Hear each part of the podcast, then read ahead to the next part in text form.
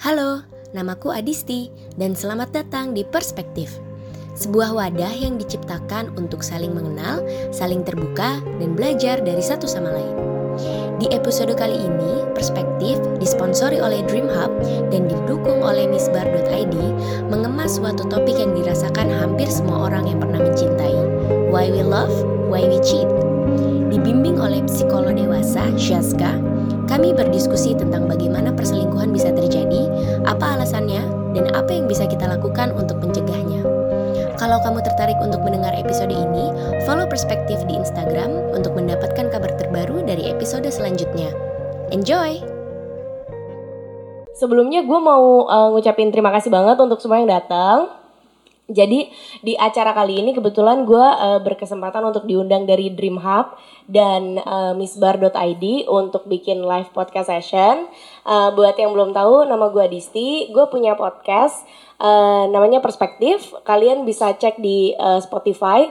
Dan podcast gue ini um, kurang lebih ngebahas hal-hal soal kehidupan sih, hal-hal yang tabu dan tidak layak diperbincangkan lah ya gitu. Kebetulan uh, pada waktu itu gue diajakin brainstorming sih sama Misbar dan sama Dream Hub untuk acara ini gitu. Mereka bilang gue pengen bikin event nih di Valentine gitu. Tapi kayaknya kalau bahas cinta-cintaan tuh kayak udah apa ya udah basi udah ya. basi ya? aja uh, gitu. Jadi akhirnya gue mikir kayak uh, ya udah gimana kalau kita bahas soal perselingkuhan di hari Valentine. Nah, jadi ini juga sebenarnya live podcast pertama gua. Gua ditemani oleh Tommy sebagai Halo. nah, gue dari Misbar. Uh, kita yang ngadain uh, screening uh, dan juga kita yang mengkurasi segala uh, filmnya ini. Kalau misal Anda merasa patah hati, Anda merasa bahwa perselingkuhan itu sesuatu yang busuk buat Anda, ya itu dari kami yang memilih filmnya. ya. Iya. Nah, uh, terus di sebelah gua ada Aska. Nah, halo, halo, halo, halo dulu nih. Uh, halo, nama aku Aska, bisa dipanggil Syaska atau Aska. Aku psikolog klinis dewasa. Ya. Nah, uh, sebenarnya kenapa di sini kita ngundang Aska gitu sebagai psikolog? Karena kalau dari gue sendiri ya kayak gue yakin banget namanya juga kita semua tuh manusia, kita punya urge sendiri, punya keimpulsifan kita sendiri. Tiap dari kita tuh punya potensi untuk melakukan sesuatu yang menurut kita kayaknya nggak bener gitu, tapi kita lakuin gitu. Nah, pasti ada uh, psychologist uh, explanation behind that gitu. Nah, since gue juga orang awam ya, gue bukan psikolog, kayak nggak mungkin kalau gue ngomong pendapat gue doang gitu. Jadi sebenarnya Aska di sini tuh membantu kita untuk kayak ini ini loh realitanya seperti ini. Jadi di situ kayak kita butuh untuk mengundang Aska di sini. Jadi ya mungkin kalian semua yang punya issues soal susah percaya sama orang gitu atau kok kayaknya gue selingkuh mulu ya kok gue kayak nggak kelar kelar ya selingkuhnya gitu atau punya childhood trauma tobat, tobat. iya jadi sebenarnya ini tuh kita uh, apa ya pengen ya siapa tahu gitu kalian butuh untuk disembuhkan gitu ini ada Aska di sini Oke, berarti kita langsung mulai aja ya. Jadi kan sebenarnya temanya why we love, why we cheat gitu kayak kenapa sih kita tuh udah cinta nih sama orang tapi kenapa kita masih ada keimpulsifan untuk cinta sama orang lain lagi gitu. Kayak sebenarnya cinta itu ada apa enggak sih? Kayak sebenarnya sebenarnya oh itu berat, berat ya. ya. Berat. Kayak sebenarnya tuh apa sih kalau kalau lo udah cinta sama orang kenapa lo bisa kayak gitu gitu. Sebenarnya nih Kak, kalau dari sisi psikologis tuh ya. Apa sih yang di kategorikan dengan selingkuh. Kayak itu sampai mana gitu. Karena kan mungkin kalau cowok punya definisi selingkuh tuh beda sama hmm. cewek gitu. Karena itu yang gue lihat. Kalau misalnya gue tanya ke teman-teman gue yang cewek kayak menurut lo selingkuh sampai mana? Oh kalau cowok gue udah mulai chat sama cewek lain gitu. Tapi kalau ketika gue nanya ke teman gue yang cowok menurut lo kalau cewek lo selingkuh tuh gimana? Oh kalau dia udah apa ya udah mulai fisikal gitu. Maksudnya udah mulai kayak berhubungan intim apa kayaknya kalau cowok tuh lebih le lebih ke fisik, kalau hmm. cewek tuh lebih ke emosional gitu. Hmm. Tapi secara general tuh apa sih? Oke, okay, mungkin sebelumnya kita bahas dulu sebenarnya manusia itu monogami atau poligami gitu. Sebenarnya secara teoretikalnya manusia itu bukan makhluk monogami ternyata. Jadi kalau misalkan dianggap selingkuh sebenarnya itu kesannya kayak mengikuti kodrat mungkin. Cuma kita bisa memilih karena di sini emang lebih banyak main emosionalnya terus juga kita keikatan lah nggak ada tuh namanya kita bisa sharing Kalau misalkan dari manusianya sendiri. Nah, tadi mungkin juga udah dibahas sedikit sama Disti. Sebenarnya apa sih selingkuh? Nah, itu mungkin kalau di kategori orang beda-beda gitu. Kayak kalau di cewek lebih emosional, kalau di cowok itu lebih fisik. Nah, kalau cewek itu emang lebih emosional berdasarkan teori karena emang kita itu ngelihat bahwa sesuatu itu ikatan.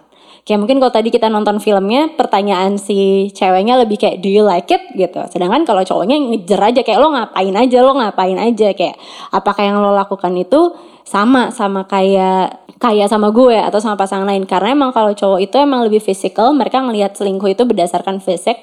Kayak misalkan ngeliat gini kalau misalkan cowok kan ngeliatnya oh nih cewek cakep gitu. Kalau misalkan cewek eh, cakep sih tapi be- bisa ngebedain tuh antara naksir atau bener-bener sayang. Kalau cowok di awal kayak gue bisa naksir deh gitu, gara-gara fisikal. Itu emang udah berdasarkan gendernya emang kayak gitu. Mana bagian otak yang mana yang ke trigger emang seperti itu. Nah, sebenarnya macam-macam tadi kalau misalnya dibilang kayak selingkuh tuh sebenarnya apa sih sederhananya gitu. Kalau bisa dibilang macam-macam banget. Ada orang harus tahu kayak pegangan tangan aja udah selingkuh gitu terus abis itu ngechat uh, lawan jenis udah selingkuh. Nah, tapi sebenarnya tergantung apakah intensinya. Cuma sayangnya intensi nggak bisa diukur dan nggak bisa langsung kayak emang lu ngapain? Enggak, biasa aja. Bohong, bisa bohong, bisa semua bisa bohong. Cuma uh, selingkuh itu adalah ketika kita tahu bahwa kitanya sendiri yang ngukur kalau dari diri kita karena kita nggak bisa ngukur orang lain. Intensinya apa? Satu, sama yang kedua kita itu sebenarnya uh, nutupin gak ya, ngerasa bersalah nggak ya gitu. Ada perasaan bersalah atau enggak. Sebenarnya kalau berdasarkan teori ada tiga hal untuk melihat kita tuh bisa komit atau enggak sama orang. Kualitas hubungannya, terus investasi kita, kayak misalnya udah berapa lama, terus abis itu uh, kita itu udah ngapain aja dalam hubungan itu, sama ketiga apakah ada alternate lain gitu. Itu yang bisa membuat kita komit. Kalau kita nggak komit berarti apa? Biasanya miss dari tiga hal tersebut gitu. Nah, kalau misalnya alternate lain itu contohnya apa ya? Kayak kan kalau yang pertama kan intensitas kayak berapa lama Hmm. lo udah menjalin hubungan sama orang gitu. Terus eh apa tadi setelah intensitas tuh berapa Kualitas. berapa- ya seberapa dalam lah Hmm. ibaratnya lo sama. Nah, kalau ada alternate lain itu lo bisa jelasin lebih lanjut? Kalau alt- alternate itu kan kita emang kalau ketemu orang macem-macem ya dan kita nggak mungkin kalau punya pasangan itu langsung klik gitu. Cuma ada pasti kita punya tick of box kita sendiri loh kayak misalkan pengen punya pacar yang bisa main gitar, pengen punya pacar yang tinggi, pengen punya pacar yang apa ya Penyanyi apa ya? Sapioseksual. Waduh, kayak gitu-gitu. Nah, kadang kan kita kalau ketemu kalau cewek ya spesifik kita ketemunya eh ngelihatnya oh ya udah karena gue udah nyaman dia bikin gue happy pas dia nembak gue udah gue terima gitu. Itu kan kita ngerasanya oh cuma ada satu nih udah pilihan. Terus tiba-tiba terus seperjalanan waktu kita tahu oh ada hal yang gue nggak suka ini di cowok gue soalnya ABCD misalkan gitu tapi ya udah deh toleransi toleransi tiba-tiba ada cowok yang tick all the boxes itulah baru muncul kayak hmm kok ada cowok yang tick all the boxes boxes Oke, jadi Cu- kayak ada pilihan lain. Kayak ternyata selama ini kok gitu. ada ya si ideal ini Iya. yang kayaknya bisa dipotret cuma di kepala kalau baca novel mukanya dia-dia aja ternyata ada real life-nya nih gitu. Nah, tapi sebetulnya kalau dari situ oke ideal, tapi apakah juga ngelihat tadi tiga hal tersebut. Karena orang itu biasanya gak mungkin dia itu udah puas dalam hubungannya, tapi dia pengen untuk cari yang lain. Meskipun ya kalaupun ada ya seideal itu. Kayak misalnya kayak udah dari 10 checklist keisi 10 semua baru dia memutuskan untuk eh, keluar dari hubungan itu. Kalau enggak ya enggak karena ya dia udah invest udah lama dia udah eh, ngerasa bahwa hubungannya puas buat apa? Gitu pengen nanya sesuatu. Kayaknya gitu. dia mau ditanya. ngeliat dari mukanya lo pengen nanya sesuatu gitu. Pengen banget sih, soalnya tadi kan eh, Askanya bilang bahwa eh, ketika ada cowok yang nggak bisa tick all the boxes, sementara tiba-tiba dia nemu cowok yang tick all the boxes nih. Tapi kita semua tahu bahwa nggak mungkin ada cowok yang bisa tick all the boxes. Misalnya nggak mungkin ada cowok yang ganteng, uh, jago ngaji, rajin sholat, terus uh, apa pinter matematika Agamis ya, gitu. Iya. agamis aja. Uh, atau uh, apa namanya perform good in bed atau misalnya juga uh, dia juga apa namanya feminis juga gitu lah gitu. Nggak nggak mungkin semuanya kan itu kayak nabi banget gitu loh gitu loh. Nah, uh, cewek ini kenapa bisa ngelihat seorang cowok itu bisa tick all the boxes gitu loh padahal sebenarnya dia juga nggak mungkin gitu tick all the Oke. boxes gitu Paling mungkin kita kalau aku biasanya kalau nanya ke klien misalkan yang bingung gitu dia soal pasangannya kayak gimana sih kayak mantan gue gini gimana cara gue untuk dapet pasangan yang lebih baik gitu. Biasanya gue suruh emang tulis semuanya yang dia suka terus habis itu pilih lima mana value yang paling penting gitu.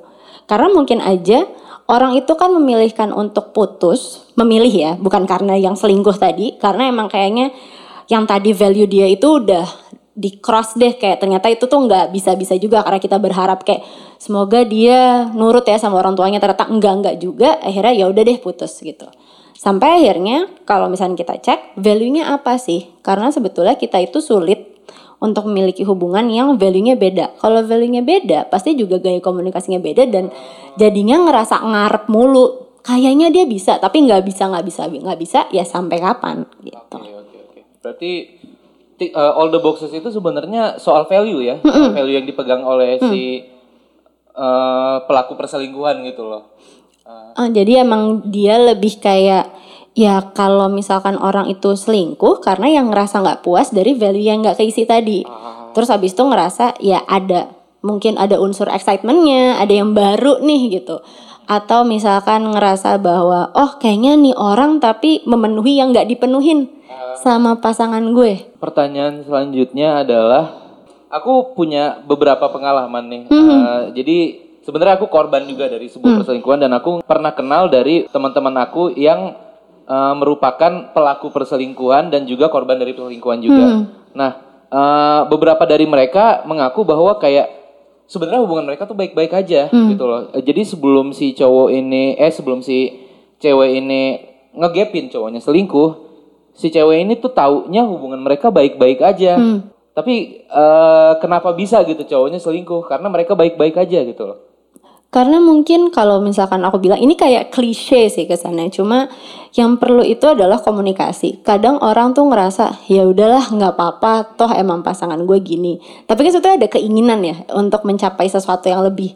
Dan bahagia itu kan yang ngukur bahagia itu personal banget di diri kita, kayak subjektif banget. Kayak orang bisa aja bilang kayak Iya gue seneng banget sama cowok gue. Terus abis itu ada orang kayak Hah masa lo seneng sama cowok lo? Kayak gitu. Kan dia gak nganterin lo misalnya kayak gitu. Ya menurut dia gak apa-apa karena ya Menurut dia cowok nganterin itu gak penting kayak gitu. Itu subjektif yang berbeda-beda. Tiap orang punya eh, apa ya indikator yang berbeda-beda Cuma sayangnya kalau dalam hubungan yang akhirnya memutuskan untuk selingkuh itu karena salah satunya nggak mengkomunikasikan dengan baik apa yang diinginkan. Jadi mungkin salah satunya ngerasa kayak kayaknya dia nggak ada ngeluhnya, kayaknya dia nggak punya komplain kok tiba-tiba dia selingkuh. Mungkin sebenarnya ada tapi dia ngerasa ngapain ya gue ngeluh gitu loh. Padahal sebetulnya itu perlu dikomunikasikan. Gitu. Oh, oke oke oke. Ya, itu aja sih pertanyaan yang aku punya. Mungkin kalau gue bisa nambahin dikit ya. Jadi eh, sebenarnya eh, di episode ketiga eh, podcast gue, gue tuh sempat ngobrolin soal marriage.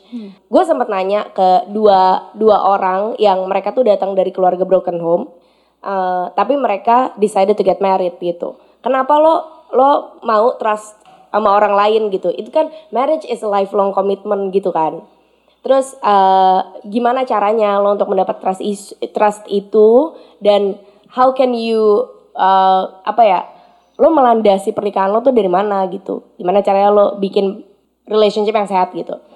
Terus eh, ya mereka bilang eh, at the end of the day lo harus tahu values lo apa itu pertama gitu. Nah tapi gimana caranya lo untuk tahu values lo tuh adalah yang lo butuhkan gitu penting banget untuk orang-orang yang belum memasuki hubungan atau mungkin lo belum menikah, lo harus bener-bener tanya ke diri lo sendiri, sebenarnya apa sih yang lo butuhin? Ketika lo udah tahu apa yang lo butuhin, lo bisa lebih mengkomunikasikan ke pasangan lo atau calon pasangan lo nantinya gitu. Makanya ujung-ujungnya sebenarnya masalahnya masalah komunikasi. Karena lo mungkin lo bisa aja tuh orang nggak tahu dia butuhnya tuh apa gitu. Sehingga dia nggak bisa ngomong. Kalau misalnya dia udah tahu dan dia ada keinginan untuk memperbaiki hubungannya, mungkin mungkin itu bisa dicegah gitu.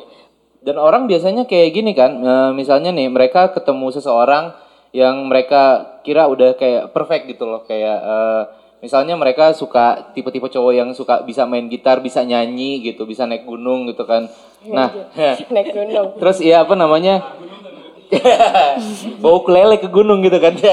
nah, itu uh, si ceweknya langsung tertarik habis itu jadian gitu. Tapi si ceweknya ini juga nggak aware bahwa si ceweknya ini tuh punya uh, kayak pet peeve sama orang-orang yang jorok gitu. Jadi ketika mereka udah jadian dan si cewek ini akhirnya ke kosan cowoknya terus ngeliat kosan cowoknya ini, aduh kotor banget gitu loh. Dia kayak diem gitu kan, ibaratnya memendam itu semua karena dia nggak pengen kayak nyakitin hati cowoknya karena dia udah nganggep ya ya udahlah yang penting cowok gue bisa main gitar cowok gue gini gini gini gini sampai pada akhirnya dia ketemu sama cowok yang bener-bener perlente bersih rapi gitu kan. Nah uh, dan tergoda untuk berselingkuh dengan si cowok yang perlente rapi bersih meskipun dia nggak bisa main gitar nggak bisa nyanyi nggak bisa nggak apa namanya naik gunung dikit lemes gitu kan. Nah itu juga apa ya satu hal yang mesti kita pahami gitu loh bahwasanya kalau misal kita dari awal bisa mengkomunikasikan kepada cowok kita bahwa kita tuh pengen dia agak lebih rapi dikit, kita agak eh, pengen dia lebih bersih dikit, kita bisa berkomunikasi dengan dia gitu loh, kayak perbincangan uh, empat mata gitulah sama dia gitu. Ibaratnya de, uh, dengan uh, manner yang romantis lah, misalnya ngajak dia dinner habis itu ngomongin kayak gitu gitu loh.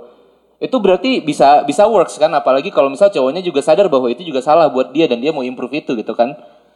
Uh, itu benar karena emang kita perlu tadi juga udah dibilang sama Disti bahwa kita perlu tahu apa yang kita mau baru kita bisa uh, ngasih tahu ke orang. Karena kadang pun kita juga nggak sadar gitu loh kayak ketika kita berselingkuh kayak oh iya ya ternyata tuh gue sebenarnya sukanya cowok yang kayak gini. Karena kesannya kayak tadi misalkan contohnya terkait oh ya cowok main gitar cowok cakep cowok tinggi. Tapi kalau diajak ngobrol nggak nyambung misalkan yang satu sukanya Sheila on Seven satu sukanya David Guetta ya udah gitu loh. Itu udah nggak bakal nyambung sama sekali gitu. Cuma emang sebenarnya yang harus dipahami adalah ketika memiliki hubungan kita tuh harus siap. Itu yang perlu orang tahu kadang tuh kita ngerasa kenapa pengen uh, kenapa akhirnya pacaran? Pengen aja. Kayaknya dia udah suka. Kayaknya udah umurnya. Kayaknya orang-orang punya pacar masa gue nggak punya kesepian atau segala macem.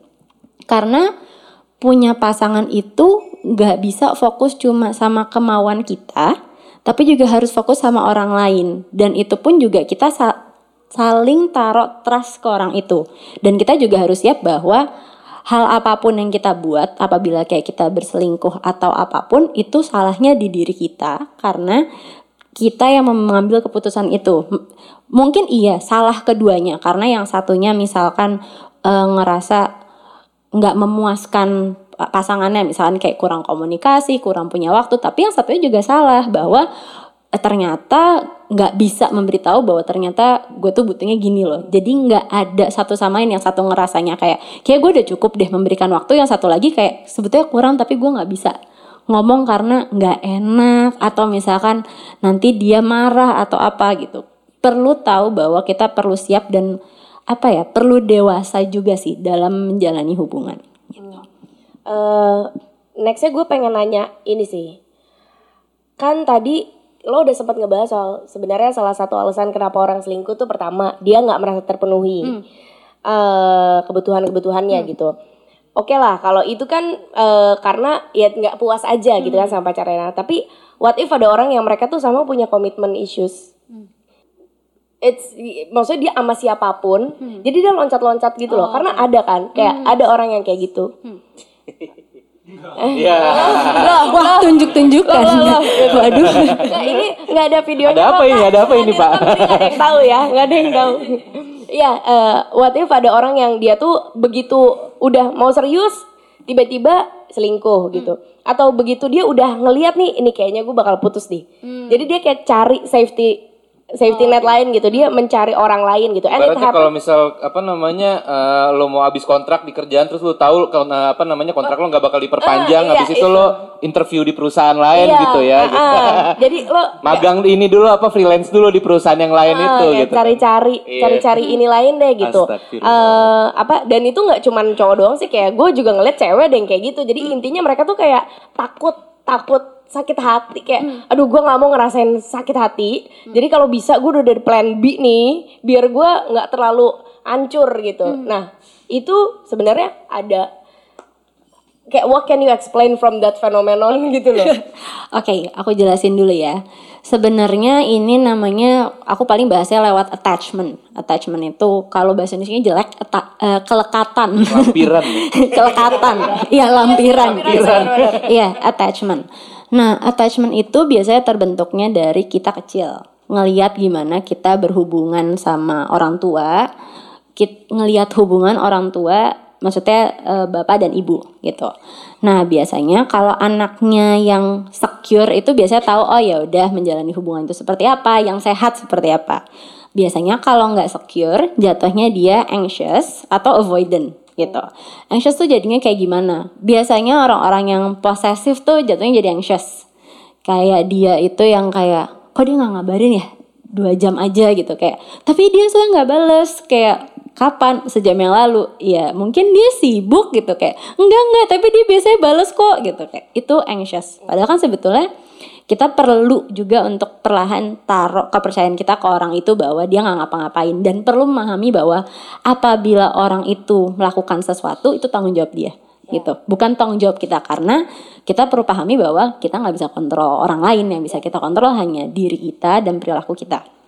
Atau avoidant avoidant adalah kadang kalau aku ngomongnya adalah orang-orang yang takut. Tadi dibilang takut nggak berani karena ngerasanya ini terlalu too much karena mereka nggak biasa untuk dapat kasih sayang. Ketika dapat kasih sayang kayak ini apa? Nggak nyaman gitu. Kayak kalau dika- dikasih kasih sayang mereka ngerasanya eh, ini suatu hal yang baru dan kalau misalkan gue terlalu sayang gue pasti tersakiti. Ya jadi dia ngerasanya bahwa takut karena ini nggak nyaman ini suatu hal yang baru karena biasanya gue nggak disayang. Biasanya gue itu kayak ya udah sana aja gitu. Dari kecil. Biasanya itu pola asuhnya dari kecil. Yang biasanya udah sana aja sana aja itu kayak yuk sini gitu. Kayak loh biasanya gue di dismiss atau kayak perasaan sayang gue tidak diterima tiba-tiba kok di embrace itu buat dia nggak nyaman karena itu bukan suatu hal yang pola dia lah gitu. Memang itu harus perlahan dari untuk membuat polanya baik itu harus dari pasangannya dan dirinya bahwa dia ngerasa bahwa it's okay to fall tapi emang harus ke orang yang tepat ya maksudnya kadang kan juga kalau hubungannya nggak tepat dia coba ya udah deh coba terus ternyata hancur berantakan dia akan lebih kayak hmm, oh udah deh parah." avoid nggak bisa Iya. lagi gitu sedangkan pasangannya juga harus terus mungkin akan agak sulit tapi pasangannya harus terus menerus untuk meyakinkan bahwa kayak enggak kok nggak apa-apa gitu. Kayak emang ini sewajarnya harusnya memiliki hubungan seperti ini harusnya memang memiliki hubungan dekat bukannya malah berjauhan bukannya malah tidak diterima perasaan cintanya gitu. Jadi berat ya? Lo langsung mikir gitu. Langsung refleksi gitu loh ke hubungan kita masing-masing. Oke, eh, nah sebenarnya sekarang gue pengen lebih interaktif lagi nih. Jadi kan tadi gue udah ngebagiin kertas-kertas buat diisi eh, sama audiens-audiens sama kalian-kalian semua. Em, jadi semua kertasnya ada di sini. Jangan takut, jangan takut, tenang aja. mukanya udah panik ya eh apa sebenarnya awalnya tuh kenapa sih gue bikin games kayak gini ini tuh kan kalau kita ngomongin kayak gini kan kayak nggak ada kasus yang real ya kita cuman oh katanya katanya katanya gitu tapi kan gue yakin banget gue yakin 100% kita semua pasti pernah merasakan diselingkuhin lah atau selingkuh lah atau kayak ya ada main-main di belakang dikit lah ya. Namanya juga kita manusia ya gitu. Kayak nggak ada nggak ada lah dari kita yang benar-benar excuse excuse ya pembenaran gitu. Di kotak ini jadi terima kasih banget eh, kalian semua yang udah ngisi. I really appreciate it. Eh, emang sebenarnya di sini tuh gue bikin option untuk nggak eh, nulis nama karena gue yakin banget ada yang nggak nyaman lah ada yang apalah gitu ada yang nggak nggak nggak mau dibongkar identitasnya gitu kan tapi yang namanya unek-unek juga harus dikeluarkan gitu kan kita Iya. juga ngerti itu loh Benar, benar, benar. Nah, jadi gue akan milih secara random sih kayak I don't know. Ini kali ini Pilih tiga atau tadi. pilih satu Ini, aja. Ini, ini, ini satu. Oke. Oh my god, oke. Apa tuh apa? Dia bilang ini, I've been cheated and feels like I can't believe. Tahun berganti tahun, akhirnya bisa ngelupain rasa sakit itu. Oh, congratulations. Congratulations. Sampai di titik ternyata aku bisa jadi cheater karena semakin dewasa dan kebutuhan ha- eh, karena semakin dewasa atau kebutuhan hawa nafsu ya. Jadi dia pernah diselingkuhin, terus eh, semakin dia dewasa dia malah jadi yang selingkuh gitu. Jadi Oh, sebenarnya wow. ini karena gue udah ngerti aja kalau emang manusia seperti itu atau Tapi biasanya yang kayak gini-gini jadi lebih jago nih selingkuhnya nih. Iya biasa, eh gue nggak tahu sih, gue nggak tahu. Terus eh, atau hawa nafsu, gak bisa aku dapetin di pacarku. Tapi sekarang udah tobat, alhamdulillah, gak mau nyakitin orang lagi. Peace, love, and gaul. Oh, thanks. Congrats ya udah bisa Iya, enak ya. berdamai dengan dirinya sendiri. Iya iya iya. Eh, ya that's nice. Maksud gua gimana ya? Jadi pola lo udah pernah disakitin terus lo jadi nyakitin orang lain itu kan sebenarnya bisa diberhentikan kan. Nah, sebenarnya kayak what's the best thing that we can do untuk stop pola itu sih gitu. Kayak dia gitu. Misalnya ya gue selingkuh karena ya gue pernah diselingkuhin gitu ya. Gue nggak mau lah gitu. Gue harus kayak ada revenge gitu kan di situ. Kayak gue harus bisa ini lagi gitu. Nah, menurut lo gimana? Oke, sebenarnya ini eh, kasus yang cukup oke untuk jadi example karena dia dari eh, di cheat on, terus cheater, terus akhirnya dia tobat. Alhamdulillah. Eh, ya alhamdulillah dia tobat. Kenapa? Karena di sini akhirnya dia paham sebetulnya sebetulnya kalau bisa sebelum dia selingkuh dia pahami dulu sebetulnya apa yang penting. Apakah hubungannya penting? Apakah nafsunya penting? Kalau dia kan tadi ngomongnya nafsu. Apa yang paling penting di sini? Karena karena kan tadi dia bilang kayak dia bilang gak bisa aku dapetin di pacarku tapi sekarang udah to- tobat karena nggak mau nyakitin orang. Dia paham bahwa oh eh, yang penting itu adalah pasangan gue untuk tidak gue sakitin. Meskipun ada hal-hal yang dia gak dapet dari pasangan. Cuma kita harus pahami kata cukup. Seberapa sih kita tuh perlu stop untuk cari lebih lebih lebih. Kalau cari lebih terus nggak bakal dapet. Ya bakal ada terus terus. Dan kalau misalkan cari yang lebih nanti ada tiba eh tapi gue juga pengen yang lebih gini deh. Eh tapi gue pengen yang lebih gini. Padahal sebenarnya nggak bakal ada batas. Kita harus pahami bahwa mungkin tadi kayak aku bilang tick boxnya kalau udah memenuhi value kenapa cari yang lebih? Yang penting kan value-nya udah terisi gitu. Oh, nice. Coba Ambil lagi kali ya? Oke. Ini nih Tom, ini dia sampai belakang nih nulisnya. Kayaknya Oke oke oke. panjang Oke. banget. Oke, gue bacain ya. Eh, anonymous nih. Cheated, to be cheated. Sebenarnya everything are fair. All all is fair eh, in war and love gitu. Intinya menjadi bahagia adalah hak semua manusia. Aku pernah dicap berselingkuh yang pada kenyataannya yang saya rasakan bukan itu. Udah lama ada di sebuah toxic relationship, aku ngerasa udah waktunya bertanggung jawab atas kebahagiaan diri sendiri. Nah, berkali-kali minta putus gak mau, ya udah perlahan-lahan tapi pasti. Menurut gue, bukan tentang perselingkuhan, tapi semua tentang pilihan untuk bahagia. Ish. Gitu deh, bingung ngomongnya. Intinya, be happy ya. Yeah, mantep, mantep, Tapi gue setuju, gue setuju banget, gue setuju banget gitu. Nah ini juga ini juga sebuah kasus gimana kalau misalnya perselingkuhan itu terjadi karena dia nggak bahagia di dalam hubungan yang di eh, dia eh, di dalam hubungan yang dia berkomitmen di sana gitu loh. Sebenarnya kalau dari di sini dia sebetulnya udah tahu bahwa seharusnya dia keluar dari hubungan itu, tapi dia mencari cara untuk bahagia dari hal lain karena dia udah bilang bahwa dia toxic relationship, dia menyadari itu, terus abis itu juga dia pengen keluar tapi nggak bisa gitu. Karena sebenarnya kan kalau balik lagi, apalagi kalau bahas toxic relationship ya, toxic relationship eh, toxic relationship itu cycle-nya itu adalah pertama orangnya kesannya oke biasa aja, kedua terus udah mulai kelihatan kok dia marah-marah misalkan, abis itu ternyata akhirnya dia ma eh pas marah, terus abis itu dia minta maaf, terus balik lagi. Saya kayak nggak kok nanti akan berubah bilangnya gitu. Terus kita akan berusaha untuk nung eh, apa ya? Bertahan dengan kata katanya sih dia akan berubah. Mau sampai kapan katanya gitu. Betul.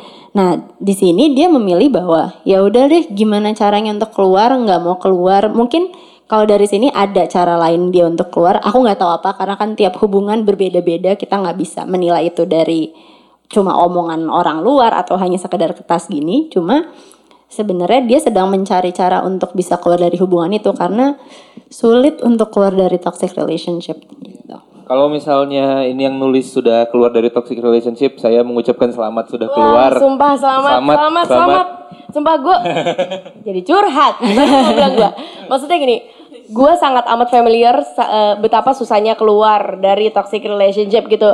Dan gue bener-bener salut sama kalian semua yang akhirnya memutuskan tali apa ya ketoksikan ini. toxic gitu. I know how hard it is. Hmm. kayak gue tahu lo akan questioning yourself. Hmm. masalahnya toxic apa namanya ketika sang abuser itu si pelaku toxic relationship itu uh, melakukan sesuatu yang toxic pada orang itu dia bakal gaslighting orang itu supaya dia uh, apa namanya uh, supaya dia bisa bisa bikin si korban mikir bahwa gue tuh udah ngelakuin hal yang bener gue udah baik sama lo gitu Iya, iya. Iya, ya. gue ngelakuin ini karena gue sayang sama lo ya. gitu kan. Itu yang bahaya sebenarnya. Itu, itu sebenarnya satu satu episode lagi sih Jadi iya, iya, udah lah, udah sampai ya, situ aja. Sampai situ aja. Oke, okay, uh, eh, Aska mungkin mau aku yang terakhir. Coba coba. Coba ambil. ya, aku ambil. Oke, okay, ini juga anonymous. Tiga kali pacaran, tiga kali diselingkuhin. Ya ampun. Duh Kadang ngebuat gue ber, gue berpikir apa gue banyak kekurangan. Anehnya mereka balik lagi dan ngomong kamu yang terbaik. Hahaha stupid. Oh jangan ngatain stupid. jangan dan gitu. Sampai apa -apa. hubungan gue yang terakhir diselingkuhin. Dari situ gue belajar ikhlas dan nggak mau mohon-mohon kayak apa yang gue lakuin dulu. Oke. Okay. Uh, eh, sering kali kita emang menyalahkan diri kita sendiri saat kita diselingkuhin dan ini tiga kali. Mungkin dia juga jadi bertanya-tanya, what's wrong with me ya? Kok tiga kali? Kadang aku bisa bilang ini dua hal. Yang pertama adalah sialnya, sialnya kamu dapetnya pasangan yang memanfaatkan kamu dan kebaikan kamu. Tapi mungkin dari sini juga perlu dipelajari batasannya di mana dari diri kamu sendiri terkadang orang itu selingkuh karena ngerasa mungkin bosen, ada juga bosennya, ada juga ngerasa kalau lo ngap gue ngapain aja, lo tetap bakal ada. Karena ngerasa dia showering gue love semua mua muanya. Jadi kalau gue pergi juga, makanya dibilang kayak uh, mungkin di sini ada statement kayak dia balik lagi kok dia bisa ber kalau kesannya berani beraninya dia bisa balik lagi oh, okay. terus memohon dan bilang kayak kamu yang terbaik gitu oke okay. karena mungkin kita juga perlu memahami bahwa kita mungkin klise kali ya atau kayak sering didengar self love dulu untuk memahami bahwa gue coba bisa ngasih segini ini buat lo ini buat gue gitu. Hmm. Kadang orang-orang yang selingkuh itu karena ngerasa semua porsi love-nya udah dari orang itu buat apa gue ngasih love lagi orang gue udah cukup gue bisa cari ke yang lain yang simpelnya kayak udah bosen dan udah nggak tertarik karena dia ngerasanya gue udah yakin sama yang ini gitu. Excitementnya udah nggak ada jadi nyari ke yang lain oh. gitu padahal sebetulnya juga nggak salah si ininya juga yang nulis karena siapa sih yang ngelarang untuk ya jatuh cinta ya jatuh cinta aja you just give gitu loh. Cuma emang kita perlu pahami kadang orang juga menggunakan kontrol itu untuk semena-mena gitu. Hmm. Jadi sebenarnya uh, what is the best thing we can do mm -hmm. to avoid? Oke, okay, gue ngerti kita nggak bisa ngontrol orang. Gitu. Mm -hmm. Kayak gue I can be the best partner in the world. Ya ampun, Beyonce aja udah sesempurna itu masih diselingkuhin sama Jay-Z ya teman-teman. Jadi Kate Middleton aja udah kayak gitu bentuknya masih aja si William tuh masih aja dia yeah. main gitu selingkuh hmm. gitu. Jadi kayak kadang tuh ya maksudnya kadang kita suka hmm. suka mikir kayak ya Allah Beyonce selingkuhin gimana gua gitu hmm. ibaratnya kayak gitu. Hmm. Jadi what's the best thing we can do to avoid gitu? Mungkin kalau ya tadi dibilang kayak nggak bisa avoid karena ya kita nggak bisa ngontrol orang lain, tapi gimana caranya kita harus memahami dan mengapresiasi diri kita dulu, gitu. Jadinya kita tahu bahwa mungkin lebih bukan avoid cheating, tapi avoid if it happen, efeknya gimana ya, gitu. Karena ketika ya tadi dibilang bahwa kita nggak bisa kontrol orang lain, itu udah di diri orang itu udah semuanya out of control kita. Cuma kita perlu pahami bahwa kita itu harus menjalani hubungan ketika siap satu, dan yang kedua adalah ya mengetahui bahwa orang ini itu bukan buat eh, melengkapi kamu. Jangan cari yang kayak karena gue nggak jago matematika gue cari yang jago jago matematika nih gitu. Carilah orang yang emang mau tumbuh kembangnya bareng-bareng gitu dan ketika dia emang mau dengan kamu karena tumbuh kembangnya bareng untuk mencapai suatu hal yang baik bareng di situlah kita paham bahwa sama-sama matang untuk menjalani hubungan gitu. Dan apabila karena kita di situ anggapannya sama-sama matang dalam menjalani hubungan ketika putus, efeknya pun juga mungkin akan lebih baik karena ngerasa bahwa kita putus bukan karena kamu buruk atau saya lebih baik, cuma ngerasa bahwa gue bisa berkembang lebih tanpa lo mungkin. Maksudnya kayak ada hal lain yang perlu difokuskan dan kalaupun misalkan selingkuh, kita bisa paham bahwa bener-bener paham ya. Kadang kan kita bilangnya kayak itu salah dia, tapi kita suka kayak emang gue kenapa sih sampai dia tuh kayak gitu sama gue tetap ada nyalahin dengan kita matang dan mengetahui bahwa kita kokoh bahwa diri kita itu oke okay dan tahu batasannya kita jadi tahu bahwa itu benar-benar pilihan dia dan gimana caranya kita menghargai diri kita mulai dari menghargai diri dulu sendiri sih okay. uh, eh, gue mau nanya deh uh, what what's the best way for us when we cut up our uh, our some uh, our loved ones uh, is cheating on someone else uh, what's the best way to confront it gitu loh? Pastinya di awal harus dipahami bahwa itu pasti pengalaman yang nggak nyaman gitu. Nggak mungkin nyaman tiba-tiba nemu kayak kita buka handphone gitu terus kayak handphonenya dia iseng gitu buka loh. Hai sayang sebentar, yang ngomong bukan gue gitu. Kok ada ke halo BCA gitu ya, hai sayang ya. iya kayak loh, kok hai sayang gitu. Cuma perlu dipahami adalah ngom marah aja dulu. Misalkan kayak tanya ini apa, tanya clear dan jelaskan aja. Biasanya ngomongnya dari aku. Ngomongnya bukan kayak lo tuh ya gini gini gini gini. Kita bukannya dapat suatu hal yang clear dari diri mereka, tapi kita, malah jadinya cuma accusing doang. Meskipun memang iya mungkin kita udah dapat apa factsnya kita udah dapat ini nih evidence evidence gitu. Kalau mau ngomong aja. Uh, contoh sering kali kalau aku ngajarin ke klienku adalah semua pakai kata aku Aku tadi baca chat kamu. Aku ngerasa kecewa. Kalau menurut kamu, aku harus gimana ya? Emang kenapa seperti ini? Jadi ngelihatnya bahwa di diri kita, biar argumennya itu lebih lebih apa ya? Lebih ngalir supaya dia juga bisa ngomong secara jujur karena kan pastilah dia denial enggak apa sih yang nggak mungkin karena dia juga sebenarnya feel guilty juga dan dia sebenarnya juga mau ngekip mungkin kamu doang karena dia iseng atau mau ngekip both kita kan juga nggak tahu gitu. Tapi ya pasti denial dulu gitu. Cuma yang di awal adalah itu. Gimana cara kita bisa nafas dulu terus abis itu akhirnya marah aja bilangnya kayak aku kecewa sama kamu karena aku menemukan ini. Boleh kamu menjelaskan? Karena ini perasaan yang aku rasakan dan aku jadi mikirnya ada yang salah denganku gitu. Selalu selalu dengan uh, runutan yang kayak gitu. Pikiran kamu apa, perasaan kamu apa, di-explain aja. Okay. Kalau misalnya dibalik, what's the best way for us to do when our partners cut up, cut, cut us, cheating, cheating with someone else? Wah itu susah. itu tobat aja sih. Tobat aja iya, udah ya. Malah disuruh ke alkohol. Salah satu Oke, okay. Uh, eh, mungkin kalau di awal namanya juga panik ya, pasti kaget kayak, hah enggak apaan sih segala macam gitu, gak mungkin, gak ada tuh yang kayak, ya aku salah, aku minta maaf gitu, wow, keren banget gitu. Cuma uh, acknowledge aja bahwa dia marah, bilang aja kayak, ya aku tahu, misalnya ngomong kayak, ya aku tahu kamu marah, mar kamu silahkan marah sebisa kamu, tanya dia maunya apa gitu.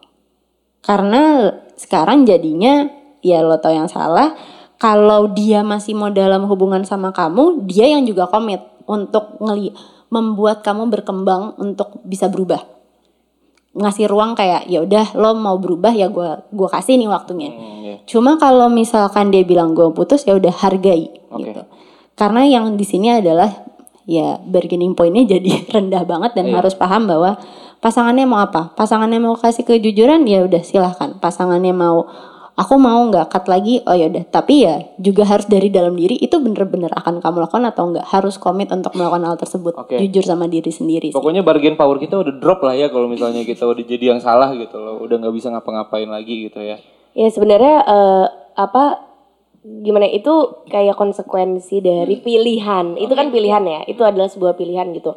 Eh kalau gue sih ngeliatnya kayak gitu ya. Eh, mungkin eh ya udah kayak lo lo ibaratnya kayak lo udah ngerobek satu kepercayaan ya now you hand it to your partner ya udah. Jadi lo maunya gimana? Cause it's the consequence of your actions gitu. Oke. Gue ngeliatnya seperti itu. Oke, mantep banget sesinya. Oke. Uh, thank you. Actually kita sudah sampai pada penghujung acara. Nggak rasa. Cuman gini, to summarize. Jadi sebenarnya each one of us itu punya potensial untuk cheat ya, untuk uh, berselingkuh gitu. Cuman yang membedakan adalah apakah kita akan act on it atau enggak gitu. Ketika kita tahu hal yang dilakukan salah, uh, urges kita tuh untuk melakukan itu atau tidak. Nah, gimana caranya? Balik lagi, kita harus aware sama intention kita untuk mengambil sebuah keputusan gitu. Selain daripada itu, it's really important to have our values, to know what we need, our values sehingga kita bisa mengkomunikasikan ke pasangan kita apa yang kita butuhin, kita bisa mengkomunikasikan apa yang pasangan kita butuhin juga dari kita gitu. Dan uh, if you treat your partner with respect gitu, kalau lo berusaha mengerti gitu, lo berusaha kayak oke, kayak kira-kira apa nih yang gue bisa lengkapi untuk partner gue gitu. eh ya mudah-mudahan gitu, mudah-mudahan your relationship will be healthy, cause that's the best thing gitu kayak that's the best you can have. Tapi kesimpulan yang paling harus kita pahami sama-sama adalah kita harus sama-sama realistik gitu loh. Kita nggak bisa eh, mengharapkan gitu, walaupun kita bisa eh, mempercayai bahwa pasangan kita tidak akan selingkuh kepada orang lain gitu. Kita juga harus realistik bahwa ya mungkin aja dia suatu saat bakal selingkuh. Mungkin aja juga kita bakal suatu saat jadi orang yang akan berselingkuh gitu loh. Karena ya eh, di eh, awal tadi juga eh, rootnya kita nggak monogemus gitu loh. Dan eh, ya seperti yang sudah kita diskusikan dari tadi di sini bahwa eh, apa namanya kalau misalnya kita masih punya trauma masing-masing yang bisa belum bisa disettle atau keku- eh, kemampuan berkomunikasi kita dengan pasangan masih belum cukup baik bukan nggak mungkin itu akan terjadi kepada kita. Tapi itu juga bukan berarti bahwa kita harus eh, 24 kali 7 mantau HP pasangan kita untuk cari tahu bahwa dia eh, selingkuh atau enggak sih gitu loh. Karena apa ya kalau bagi gue sendiri sih eh, landasan suatu hubungan yang paling bawah yang paling pondasinya banget gitu adalah trust gitu loh. Jadi ketika lo udah nggak percaya sama pasangan lo, lo udah nggak bisa percaya sama dia dan lo nggak bisa membangun komunikasi untuk bisa membangun kepercayaan tersebut.